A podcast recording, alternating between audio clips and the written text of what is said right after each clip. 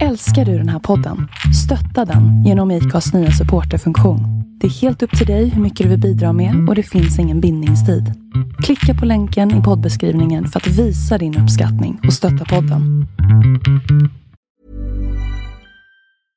Hiring for your small business? If you're not looking for professionals on LinkedIn, you're looking in the wrong place. That's like looking for your car keys in a fish tank. LinkedIn helps you hire professionals you can't find anywhere else, even those who aren't actively searching for a new job but might be open to the perfect role. In a given month, over 70% of LinkedIn users don't even visit other leading job sites. So start looking in the right place. With LinkedIn, you can hire professionals like a professional. Post your free job on linkedin.com slash achieve today. Hold up. What was that? Boring. No flavor. That was as bad as those leftovers you ate all week. Kiki Palmer here, and it's time to say hello to something fresh and guilt-free. Hello Fresh. Jazz up dinner with pecan-crusted chicken or garlic butter shrimp scampi. Now that's music to my mouth. Hello Fresh. Let's get this dinner party started. Discover all the delicious possibilities at hellofresh.com.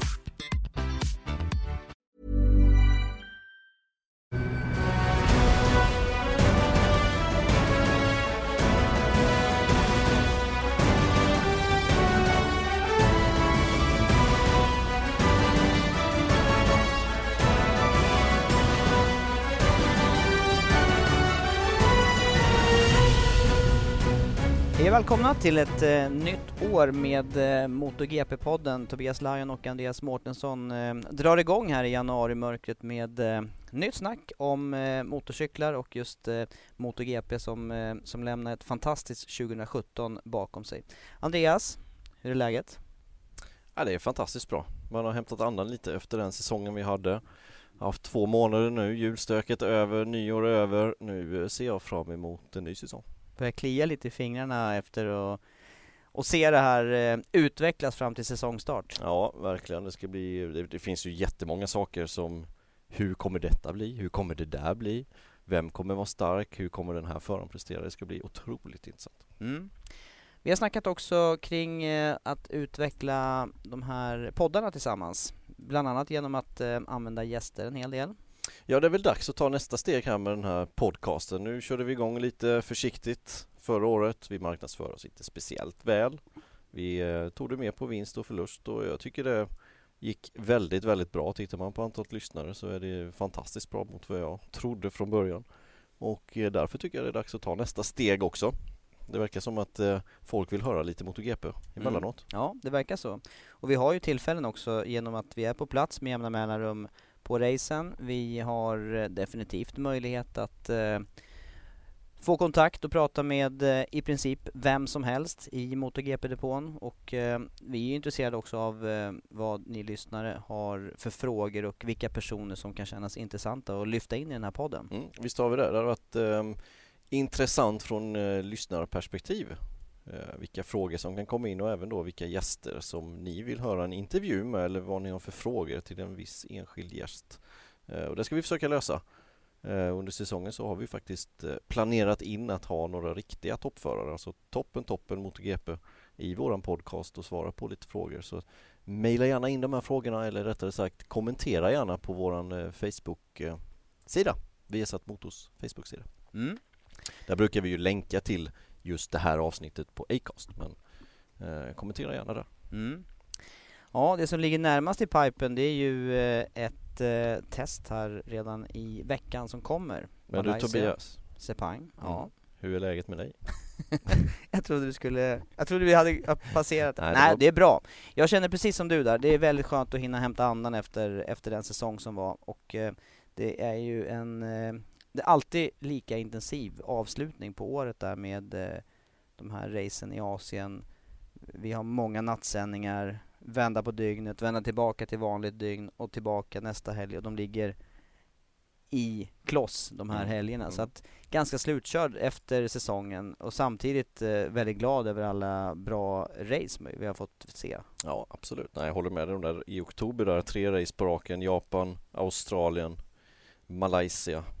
Det är fredag, lördag, söndag för våran del. Tre helger i rad mitt i natten. Det är, var tuffare än vad jag trodde faktiskt. Mm. Här från kommentatorsplats. Man märker också det rätt mycket på, på de som har varit på plats på alla race där. Det är många som är halvrisiga redan när sista racehelgen börjar i Ja, Valencia. Ja, vi var ju på plats i Valencia på finalen och det, det, man märker där att energinivån är eh, inte lika mycket som eh, när vi var i säsongspremiären i Qatar till exempel. Nej. Nej, det är stor skillnad. Men vilket år som, eh, som vi bjöds på. Flera märken inblandade i eh, VM-toppen och dessutom eh, många förare och det var här var ända in i september. Ja, visst var det det. Det var in i kaklet egentligen. Rossi försvann ju med, med tanke på sin skada där i Misano men men det stod ju faktiskt lika på poäng där efter något race och, och sen kom rycket till slut som, som Marcus gjorde på Phillip Island där Dovizioso egentligen, eh, ja han total misslyckades ju där och då fick ju Marcus den här välbehövliga luckan och sen så höll ju han det in i mål. Mm. Ja, lång säsong. Eh, förra året 18 race och den här säsongen eh, till och med 19 race. Men om vi backar bandet här nu då till säsongstart. För dig var det dessutom första året som kommentator och det är som du sa, det var långa helger i oktober men vad kände du i början på året då i Qatar där? Ja, det gick ju ganska snabbt för min del att komma in här. Vi träffades första gången tisdagen. På onsdagen gick flyget till Qatar så det var inte mycket förberedelse som, som vi hann med men eh, det kändes bra tycker jag. Det blev bättre och bättre. Det började väl eh, för min egen del då, om jag säger så. Eh, Lite halv eh, sådär. Eh, sen tycker jag det blev bättre och bättre. Jag kände mig mer komfortabel i, i rollen. Mm. Ja, jag, jag tyckte det funkade bra redan inledningsvis där och, och ja, ibland tänker jag på hur länge jag har följt den här serien och, och jag tror att du följer den kanske än mer, eller följt den än mer intensivt om man räknar den tid du har följt det privat. Det, Ja. det tyckte jag att jag märkte fort. Så kanske det är. Du har ju följt det kanske via din eh, roll som kommentator. Jag har ju följt det mer utifrån, så är det ju. Eh, Men jag har ju följt MotoGP sen Ja, inte lika länge som dig för du är äldre än vad jag är men, ja men det är, men ja, det, är det jag menar. Jag, Vi ja. började nog när vi var lika gamla kanske. Ja, jag vill minnas att jag började kolla ordentligt när det gick att få uh, någon vettig sändning ifrån de här satellit, eh, jag vet inte, paraboler man hade på den här tiden. Åt, mitten på 80, början på 80-talet kanske gick att få ner vettiga sändningar. Som, Ja. jag, som jag hade tillgång till i alla Ja, fall. det, det är lite tidigare för din del än för min del. Jag kommer, mitt första minne som jag har direkt så här, det är, det är Duhan Krivil deras fighter när de körde båda Repsol. Det, det är väl där och vad kan ha varit 97 till 8? ja, någonstans. sånt. Ja. Det är väl mina första minnen av uh, MotoGP, Mm. eller 500. ja, och jag var i dina hemtrakter där på GP just eh, innan du var född till och med. Jag tror mitt första GP på plats var Anderstorp 81. Ja, det var innan jag var född, men jag var nog på GP 84. Mm, det var Det var ett tidigt. halvår. Det var tidigt.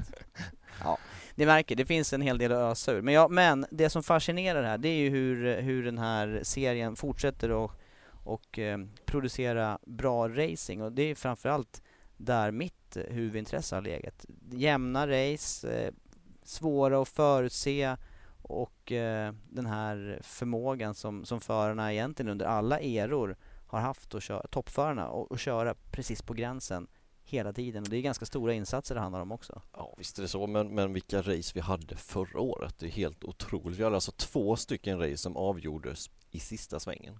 Det är inte ofta man har det faktiskt. Det, det, det den förmånen ska man vara, ska vara rädd om den. När man får se det, då ska man ta tillvara på det tillfället. Mm. Två gånger. Ja, just motorcyklar har ju den, eh, den fördelen att det finns, det finns lite yta, lite extra yta att åka på. Det går att skapa sig lite yta också. Och, och de fighter du tänker på det är ju Österrike och det är Motegi. Ja, visst är det så. Dovizioso. Dovizioso mot, eh, mot eh, Marquez. Båda ja, tillfällena. Båda tillfällena. Vilken tycker du var bäst? Eller tyck, Ja. tycker du något annat race var bättre kanske? Ja, som race, som helhet, så, så skulle jag ju välja att se om eh, Phillip Island tror jag. Jag tror Ja, det faktiskt. ja, det, det- var, det, det var var- vä- det var väldigt mycket omkörningar. Det var väldigt det, det, det loppet ifrån kommentatorsplats kändes som, det var bara något ögonblick Jag kommer ihåg du sa det till mig efter sändningen var avslutad. Vad, hur många varv körde de egentligen? Var, var det bara en kvart de körde? För det kändes verkligen så. Ja, så att, att rent intensitet, intensitetsmässigt så är det det racet som, Mm. som jag helst skulle välja att se om i sin helhet. Men, men annars, av de här två loppen som avgjordes på sista varvet, då är det eller på sista, i sista sväng. Mm. För vi hade lopp som avgjordes på, på sista, sista varvet, varvet. också. Mm. Mm, Jag då tänker på Le Mans tänker jag också exempel. på Le Mans. Det var också Och- ett hårigt race. Det var också riktigt hårigt det racet. Sarko var med och ledde racet Mm. och avgörandet kom ja, tre svängar från mål när Mm. Rossi gick omkull. Ja visst.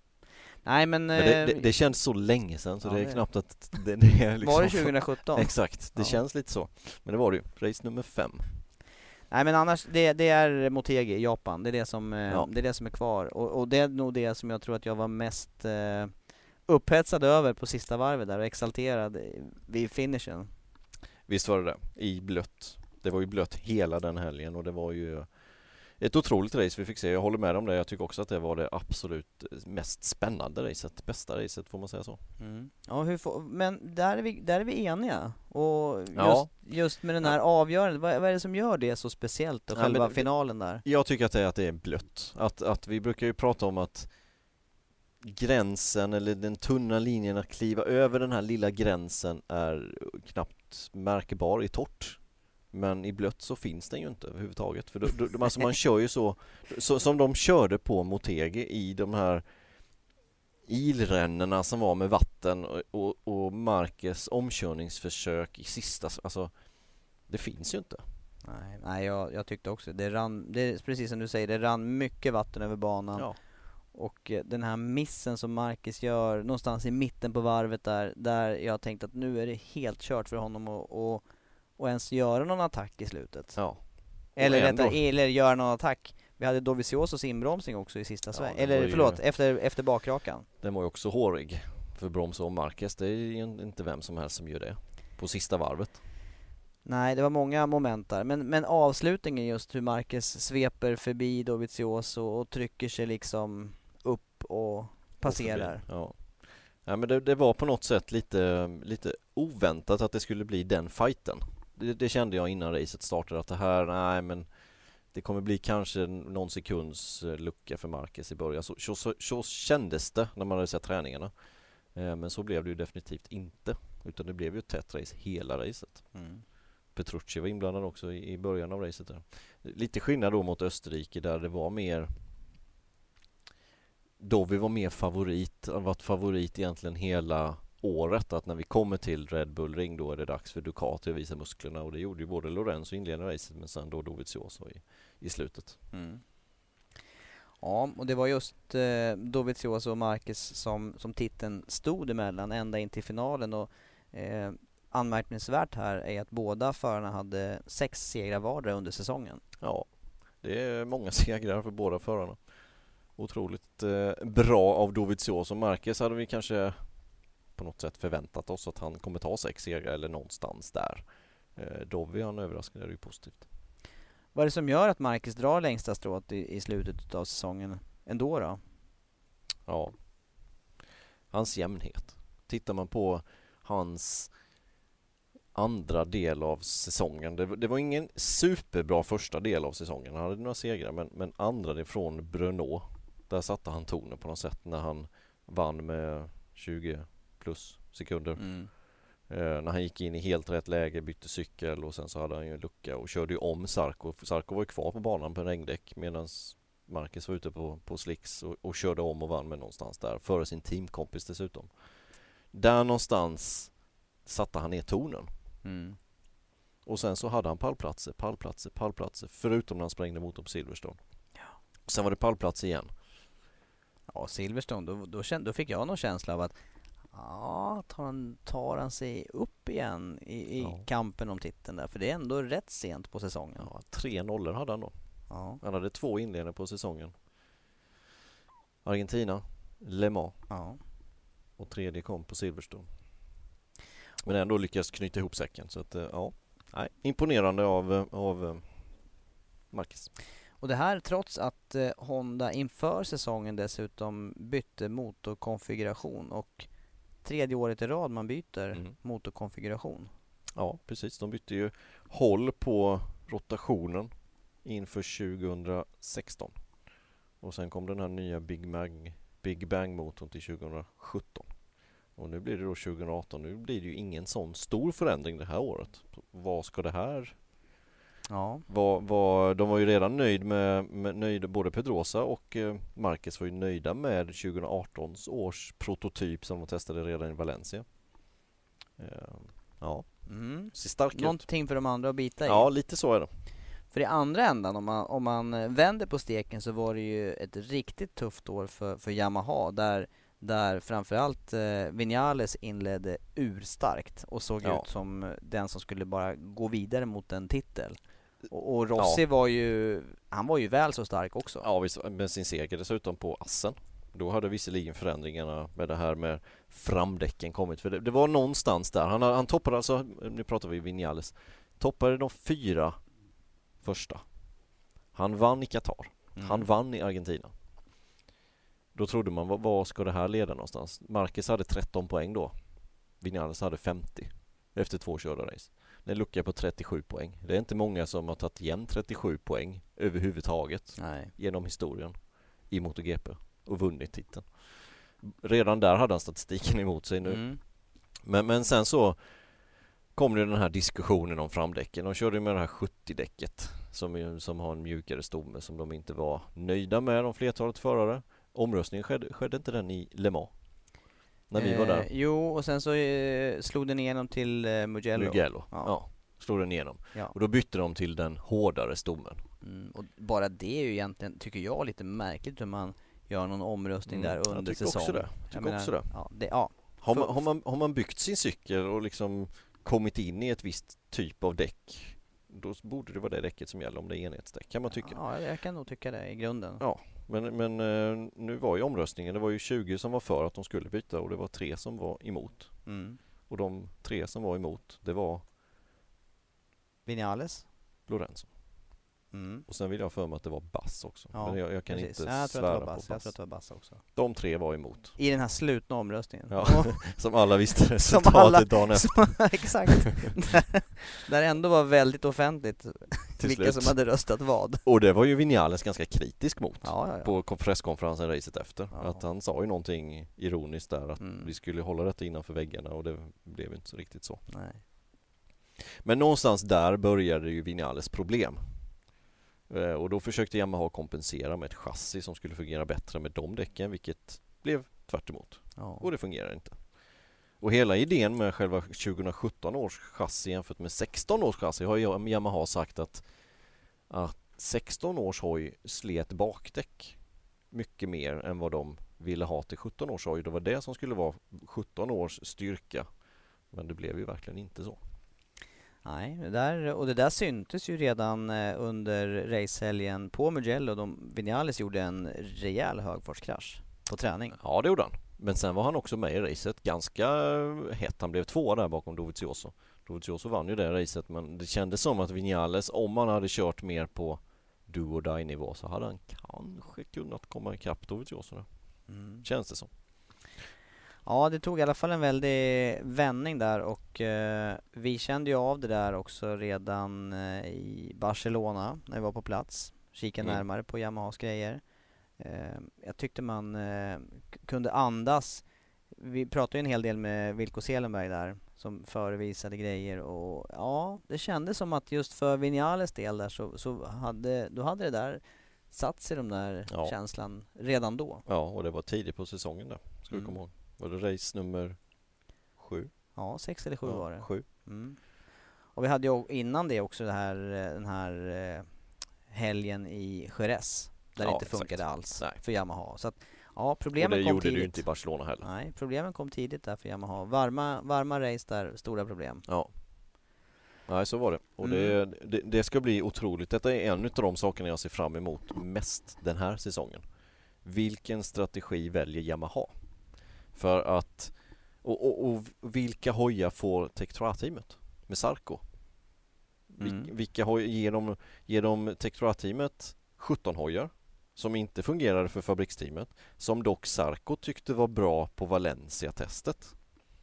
Eller kommer Yamaha att välja att ge alla fyra förare, alltså både fabriksförarna och i Tektora-teamet 18 chassin. 18 chassin Mm. för att liksom speeda på utvecklingen? Ja, det är kanske dags att, Det ska bli det. väldigt intressant att, att Det kommer vi tillbaka till lite senare men det är ju faktiskt en ny förare, eller kommer bli en annan förare i Tektora-teamet i och med att Folger har kastat in handduken. Men det ja. kommer vi till. Ja, stora förändringar för Honda. Eh, Marcus var den som bäst lyckades eh, förvalta det. Eh, Pedrosa, två segrar under året, slutar fyra i, i sammandraget och räcker inte fullt till gentemot sin teamkollega, så kan man väl konstatera. Ja, nej, så, det, det, så kan man verkligen konstatera. Det funkade inte alls för honom på vissa race förra året. Nej, och, och ett par tillfällen såg det så bra ut som han, som han kan vara. Till exempel den första segern där på, på Jerez. Den var ju mer imponerande än hans andra seger på Valencia. För Valencia då var det ju ändå titeln det handlade om och, och återigen så, så blir hans seger lite i skymundan. Mm. Eh, vilket det blev på Valencia. Men men för det var titeln det handlade om. Men, eh, men eh, han var stark där också. Det är inte så.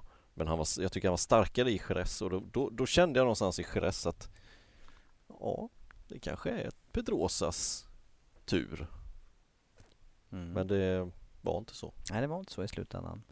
Men det är Honda och Yamaha det. Och sen har vi ju dessutom eh, eh, Ducati där då, som eh, vi inte har behandlat någonting här. Och Dovizioso tvåa på Ducatin och samtidigt så är det Lorenzos första säsong hos Ducati.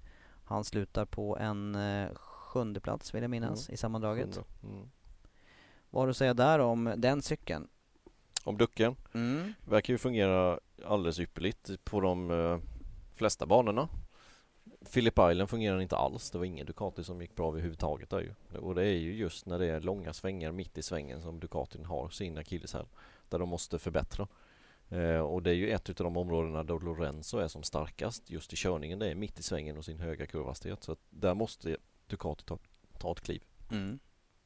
Ja, Dovizioso, det blev ju på något vis eh, spiken i kistan när det gäller hans titeljakt där, racet och raceutvecklingen mm. just på Phillip Island. Ja, så blev det ju med sitt dåliga resultat där. Mm. Och Marquez som vann racet dessutom.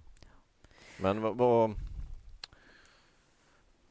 tycker du Ducati ska göra? Hur, hur tycker du Dovis säsong var här? Ja men jag, det är ju svårt här att, säga någonting. Alltså han, han, han, han tar sex segrar. Ja. Och han har en säsong utan nollor. Men, nej, nej han hade någon nolla. Mm. Han hade ju 2-0 till slut också, det blev ju Valencia. Ja det stämmer. Och sen hade han ju också Argentina. Det stämmer, förlåt, där var jag lite snabb. Eh, Valencia, det kändes som, ja just det, då, då, ja, ja, då var det avgjort till slut ja. Nej men eh, jag tror att han får, eh, du frågan, frågan gällde ju Ducati där men eh, nej, jag, är, jag är inne på samma linje där att eh, de måste ju ha en cykel som, som eh, blir ännu mer allround och kan, kan matcha som du säger förarnas styrkor, eller åtminstone Lorenzos styrka också. De behöver ju vara två stycken där som, som tar poäng ifrån de övriga för att det ska bli återigen en, en riktigt jämn säsong. För det var ju det det handlade om i år här, att, det, att man tog poäng från varandra och alla nollade flera gånger. Ja, exakt. Eh, och annars så tror jag att det kan bli svårt att nå hela vägen. Då tror jag mm. återigen att det, att det kommer landa på eh, att titeln då kommer att landa på Honda-förare eller Yamaha-förare. Mm. Trots, ja. trots Yamahas säsong nu i år då. Ja. Ja, ja, det, det, är, så det är svårt men, att säga om det här. Ja, det är jättesvårt. Men, men det är klart att Dovis säsong var exceptionell förra året. Mm. Det, det, så är det ju. Uh, inför slutracet så var det en nolla på Dovi, tre på Marquez. Uh, ja, det, det, hjälpte ju Dovi att ligga där han låg i mästerskapet. Ja, det gjorde det. Det ska vi ju, det ska vi ju säga. Men, men sex segrar det, det ska man inte skämmas för heller. Nej, något hände ju i Doviziosos huvud förra året. Verkligen. Han, han, såg att det var möjligt att vinna race och, och han var ju så full av självförtroende och det kändes lugnt och stabilt hela året egentligen. Trots att han måste ja. haft en jättestor inre press egentligen och, och yttre pressen vet jag inte om den var större. Jag tänker att hade, kanske... hade, jag varit i hans skor, då hade jag nog haft störst press på mig själv. Jag tänkt att nu har jag äntligen en, en möjlighet att nå hela vägen. Fast så kändes det inte när han gav intervjuer. Nej, det... Ryan Reynolds här från Mint Mobile. Med priset på nästan allt som går upp under inflationen, trodde vi att vi skulle bring våra priser down. So to help us, we brought in a reverse auctioneer, which is apparently a thing. Mint Mobile unlimited premium wireless. Ready to get 30, 30, bit to get 30, bit to get 20, 20, 20, bit to get 20, 20, bit to get 15, 15, 15, 15 just 15 bucks a month. So, Give it a try at mintmobile.com slash switch. $45 upfront for three months plus taxes and fees. Promo rate for new customers for limited time. Unlimited more than 40 gigabytes per month. Slows. Full terms at mintmobile.com. Hold up. What was that? Boring. No flavor. That was as bad as those leftovers you ate all week. Kiki Palmer here, and it's time to say hello to something fresh and guilt-free. Hello Fresh. Jazz up dinner with pecan-crusted chicken or garlic butter shrimp scampi. Now that's music to my mouth. Hello Fresh. Let's get this dinner party started. Discover all the delicious possibilities at hellofresh.com. Hey there, it's Michelle Norris. I'm host of a podcast called Your Mama's Kitchen. When I travel, I'm usually looking for a way to find a taste of home when I'm not at home. And one of the things I love to do when I am at home is entertain. And Airbnb allows me to do that. When I was in California recently, I rented a house that had a great kitchen. And when we were sitting around the table, we're all thinking, we're in someone else's house. Someone could be in all of our homes as well. If you have a home, but you're not always at home, you have an Airbnb. Your home might be worth more than you think. Find out how much at airbnb.com/slash host. Gjorde ju inte Utan det kändes mer som jag är supernöjd med den här säsongen och hur det än går så kommer jag vara nöjd.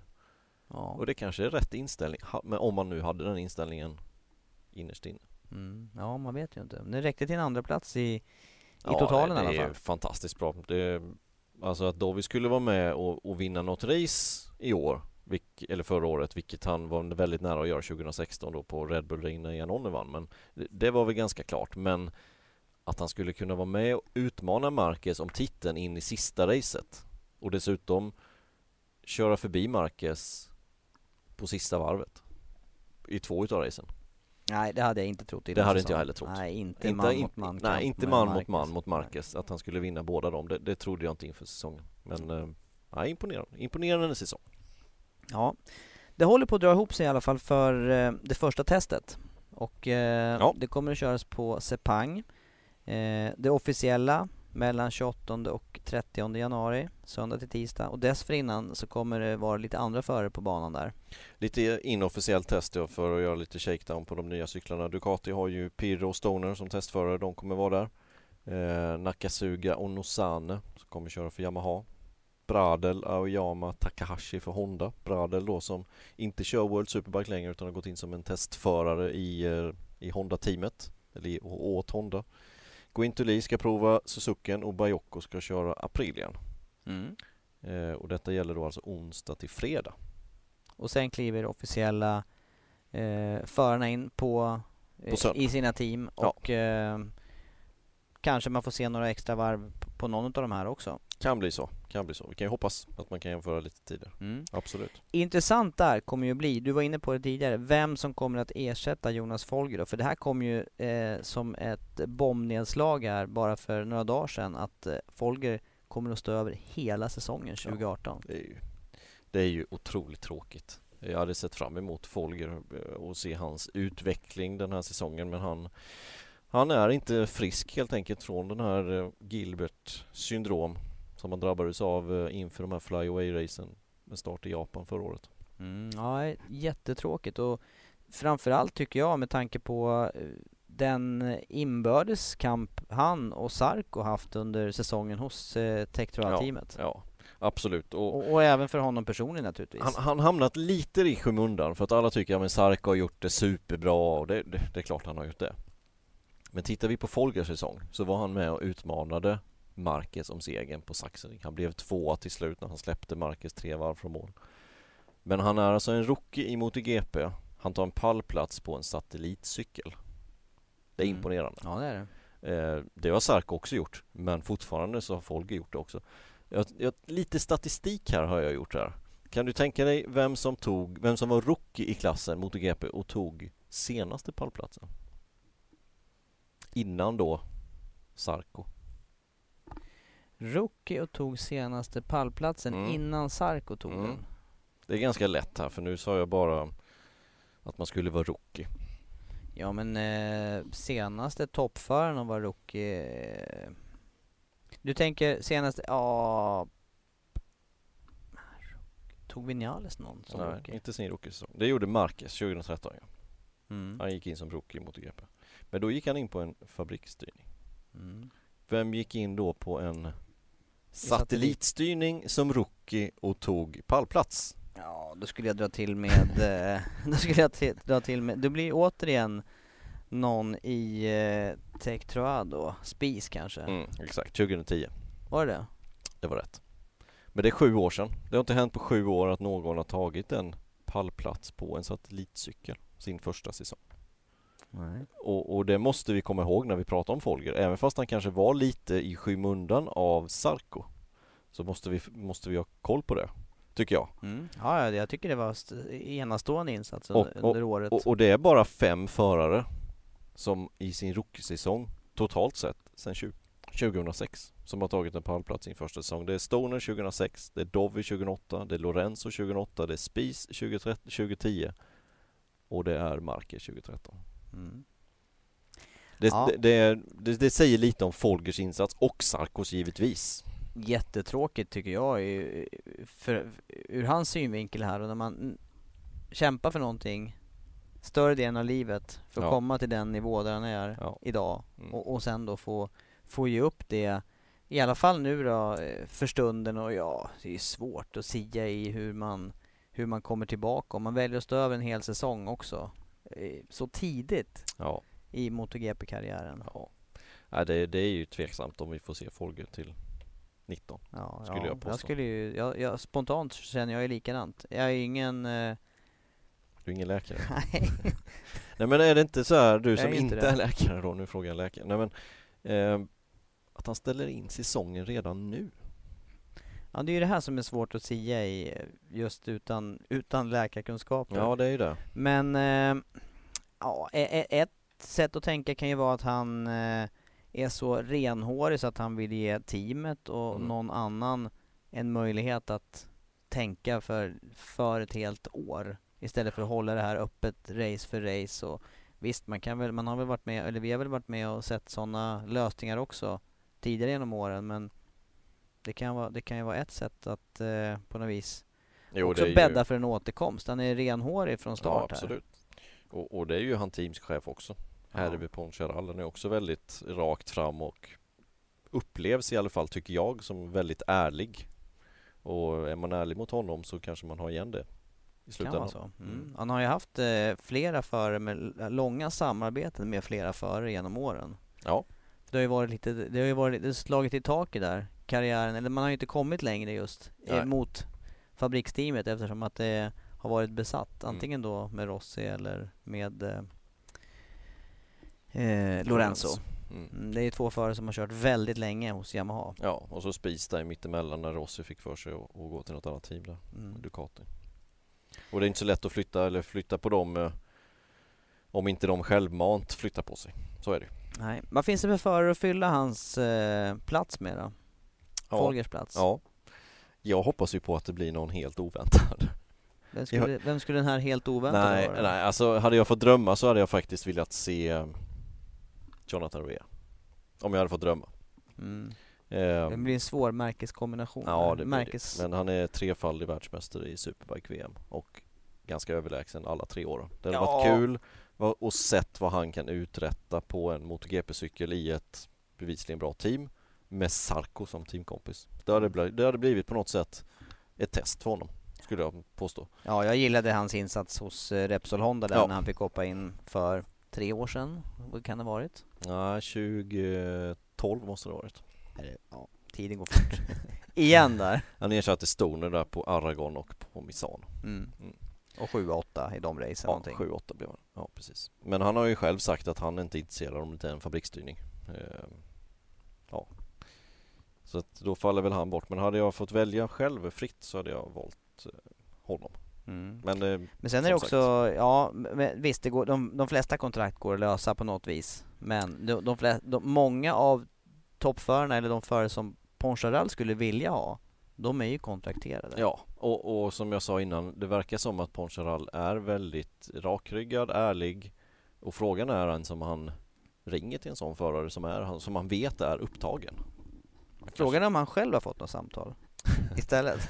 Ja, jag tror inte om man måste lyfta luren så många gånger. Han- Nej, jag tror han, det är nog, det är jag tror han haft ganska fullt upp. Han har nog fått svara på väldigt många förares eh, samtal genom de här veckorna eller den här veckan som har gått sedan Folger tillkännagav att han inte skulle köra. Ja. Men det där var en dröm, eh, drömscenariot där Ja. Men, det- eh, men av vem- de vem är din dröm då? realiteten Alltså det blir tråkigt om vi ska säga samma sak hela Ja. tiden här. Men du tyckte inte också så kanske?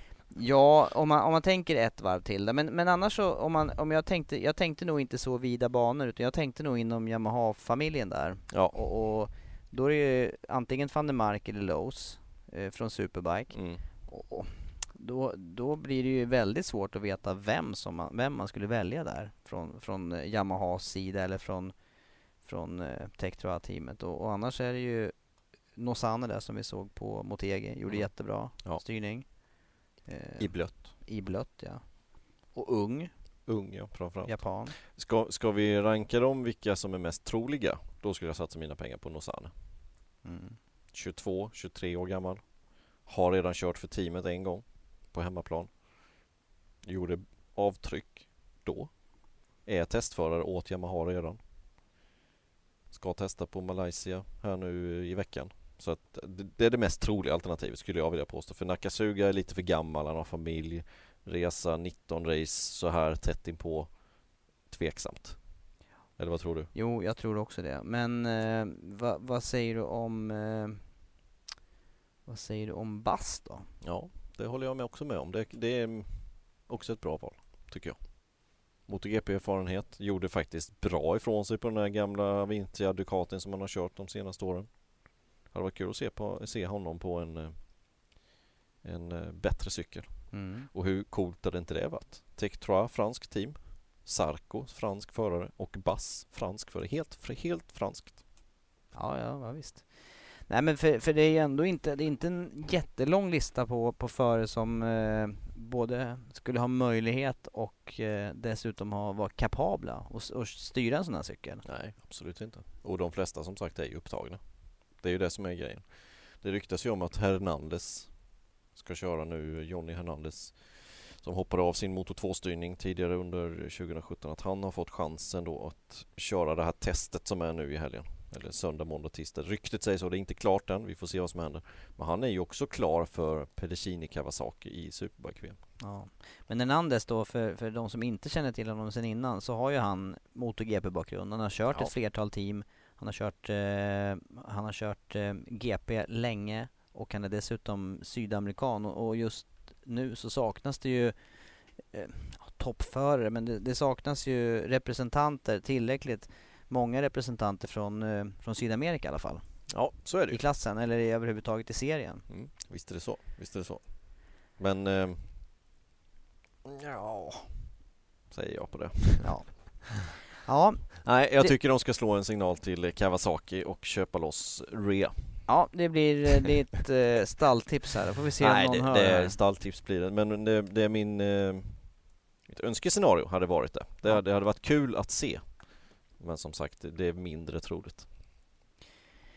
Eh, blickar vi nu då bara närmsta veckan framåt här så, så ligger alltså testet i Malaysia på Sepang och eh, det som blir intressant här det blir ju att se förare som, som kliver in i klassen och, och nu tillkommer ju dessutom från novembertestet eh, Tom Lytti som är okej igen. Det är alltså Lytti, Morbidelli, Nakagami eh, och även Simeon, alla ifrån Moto 2 som, som tar klivet upp till MotoGP i år. Ja, det ska bli intressant att följa speciellt då kampen mellan eh, de tre Honda-förarna. Eh, Lytti, Morbidelli i samma team, Nakagami, LCR.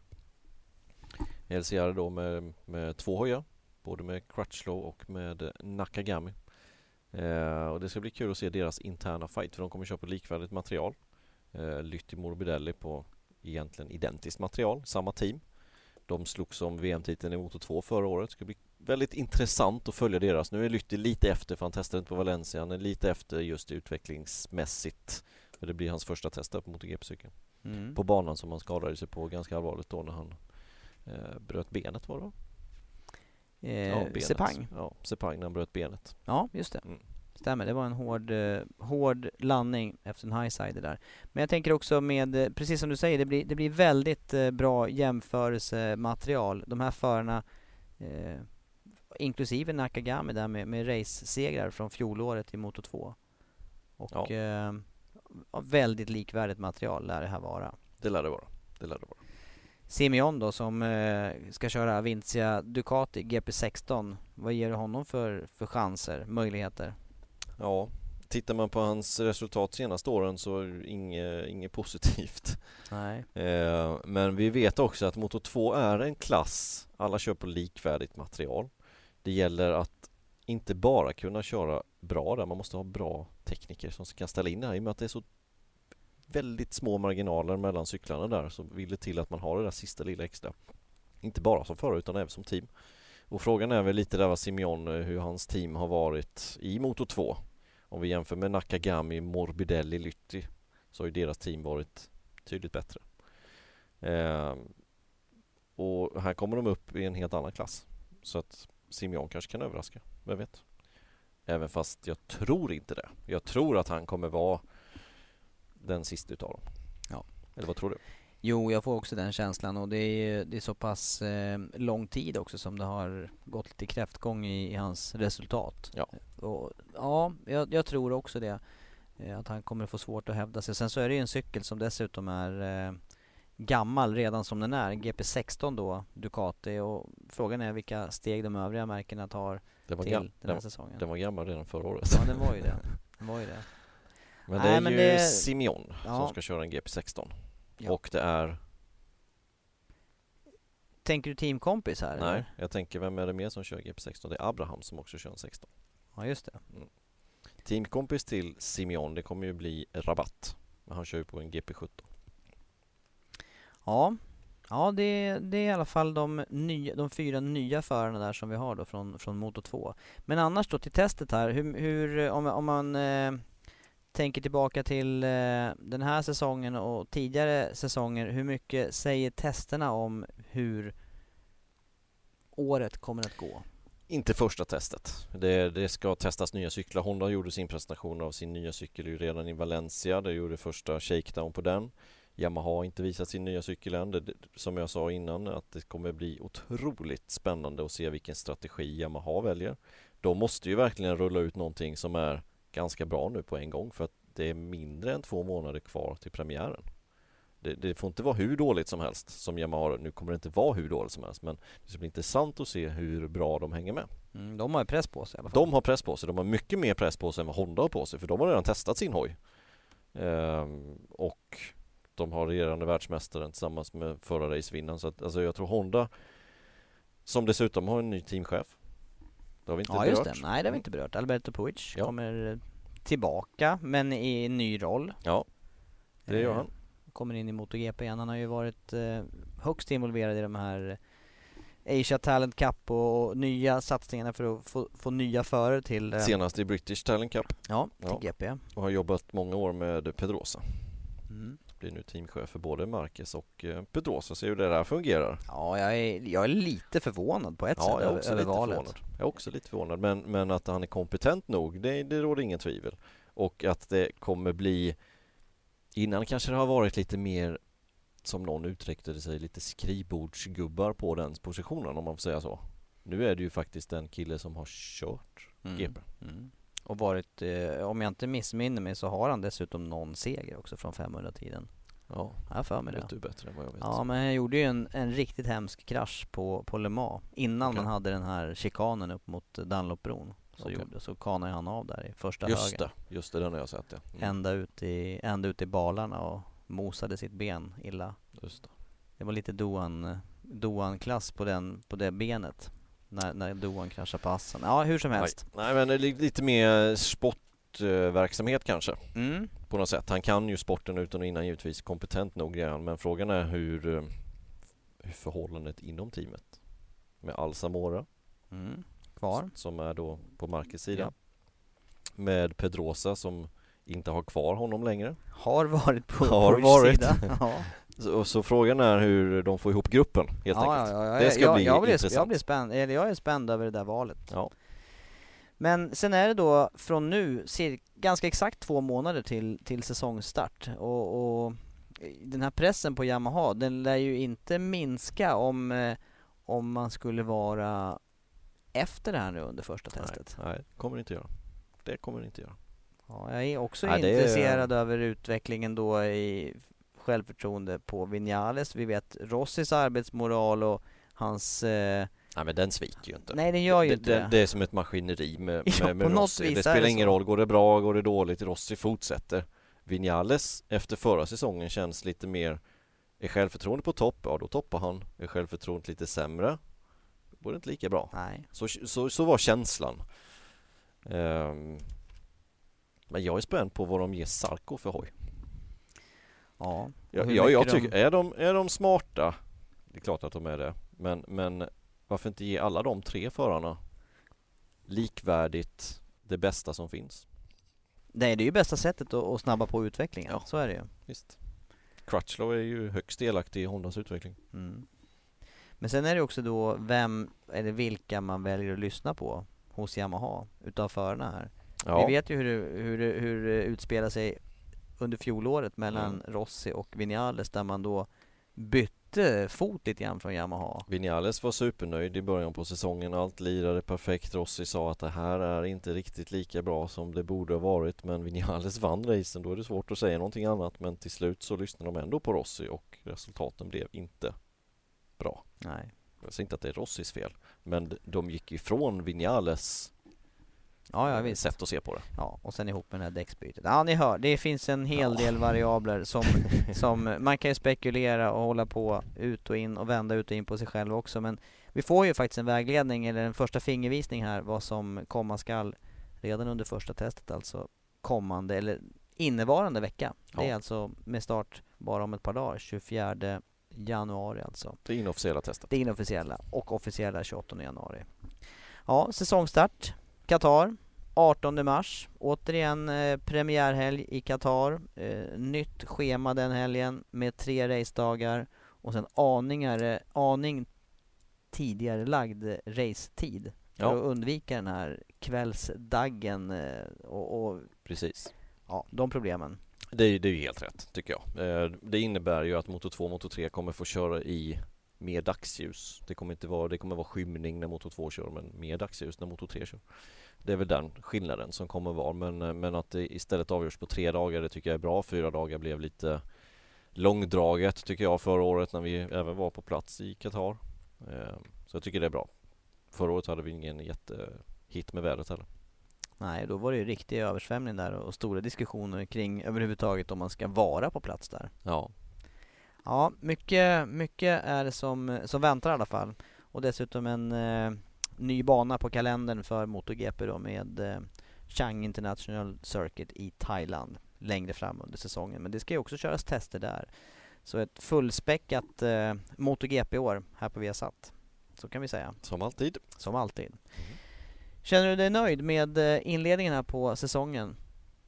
Tycker vi gjorde en... eh, Pratmässigt menar jag nu. Ja, jag tycker det känns bra. Kul att vara tillbaka, kul att prata lite mot GP igen tycker jag. Vi ser fram emot eh, era frågor och idéer kring vad vi kan utveckla.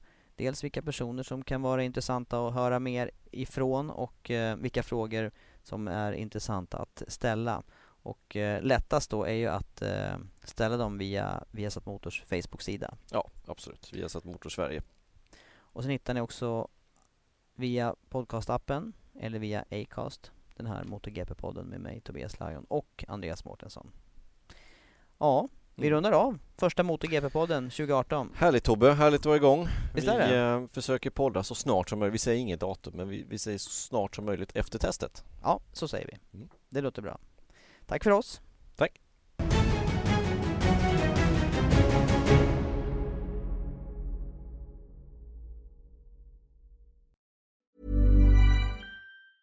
Hey, it's Danny Pellegrino from Everything Iconic. Ready to upgrade your style game without blowing your budget? Check out Quince. They've got all the good stuff shirts and polos, activewear, and fine leather goods, all at 50 to 80% less than other high end brands. And the best part? They're all about safe, ethical, and responsible manufacturing. Get that luxury vibe without the luxury price tag. Hit up quince.com slash upgrade for free shipping and 365 day returns on your next order. That's quince.com slash upgrade.